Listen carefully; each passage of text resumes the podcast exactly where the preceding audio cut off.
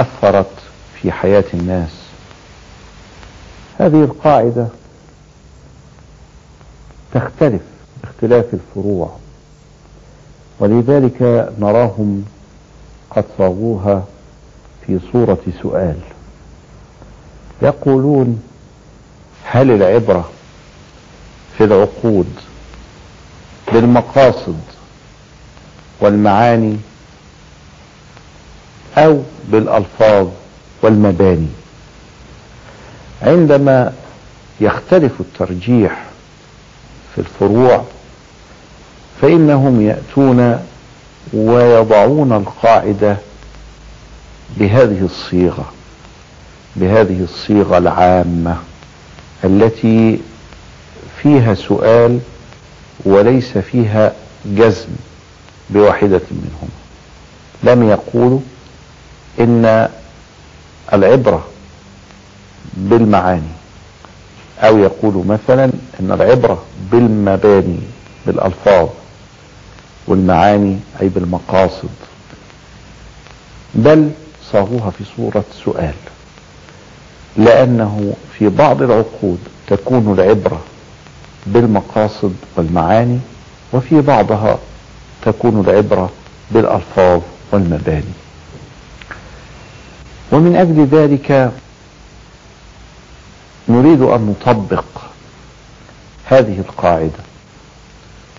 فمثلا عقد البيع. العقد دائما عندما يعقد بين اثنين يعبر عن اتفاق الإرادتين.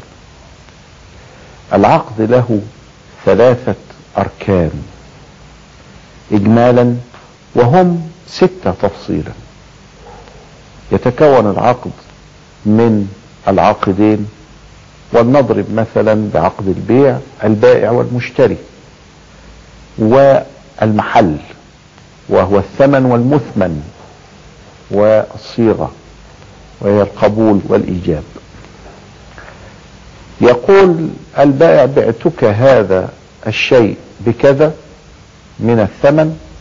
فيقول المشتري اشتريت. قوله بعت واشتريت عندما يتفقون على السلع وعلى الثمن يسمى عقدا فالعقد هو لفظ. في هذه المرة نية البائع ونية المشتري هو نقل ملكية السلعة من أحدهما إلى الآخر. وفي نفس الوقت هم يريدون أن ينتقل الثمن من المشتري إلى البائع. حتى يتمتع البائع بذلك الثمن وحتى يتمتع المشتري بتلك السلعة. ولكن هب أن البائع والمشتري لم يذكرا كلمة البيع والشراء. إنما قال أحدهما للآخر أعطيتك أو وهبتك. هذا الشيء في مقابل هذا الثمن. كلمة وهبتك كلمة لا تعني أن يكون فيه مقابل. لا تعني أن هناك مقابلا سيدفع لكن هو قال هكذا وهبتك هذا الشيء في مقابل خمسة جنيهات ماذا نفعل؟ وبماذا نحكم؟ هل هذا عقد بيع؟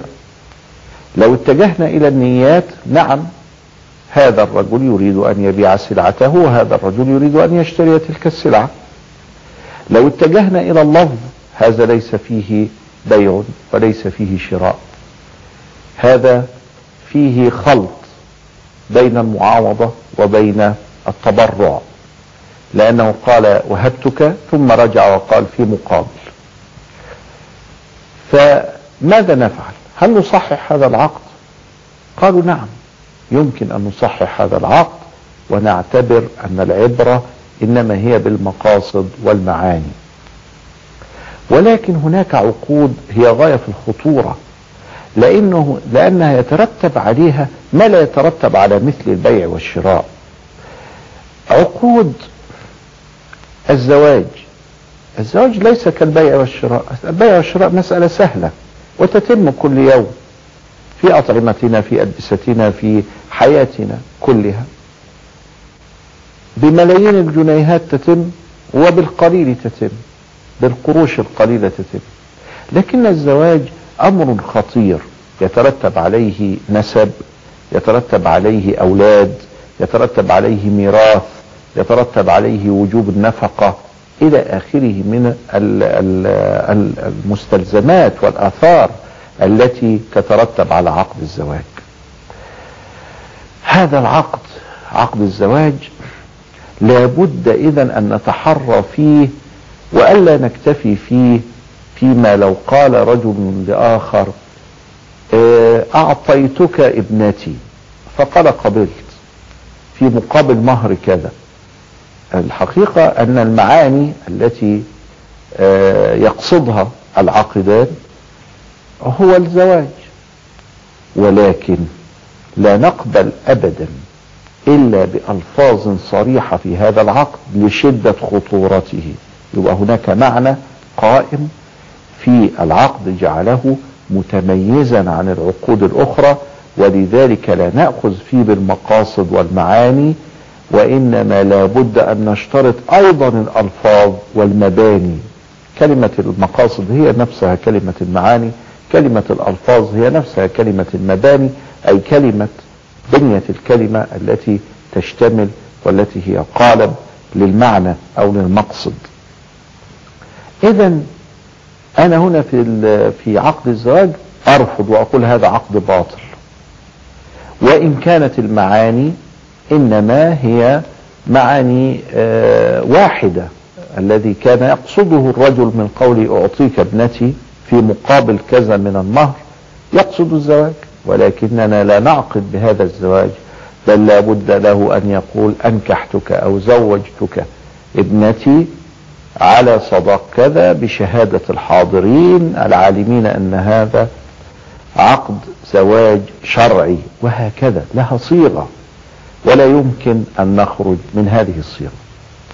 إذا فالقاعدة عندما تشتمل على نوعين من أنواع الفروع المتخالفة فإننا نراهم أنهم يصوغونها في صيغة سؤال. هل العبرة بالألفاظ والمعاني والمباني أو بالمقاصد والمعاني؟ سؤال. لماذا؟ لأنه هذا السؤال ينبغي أن يظل هكذا لاختلاف ما, في ما تحته من الفروع. إلى لقاء قريب مع قاعدة أخرى من قواعد الفقه الإسلامي. السلام عليكم ورحمة الله وبركاته.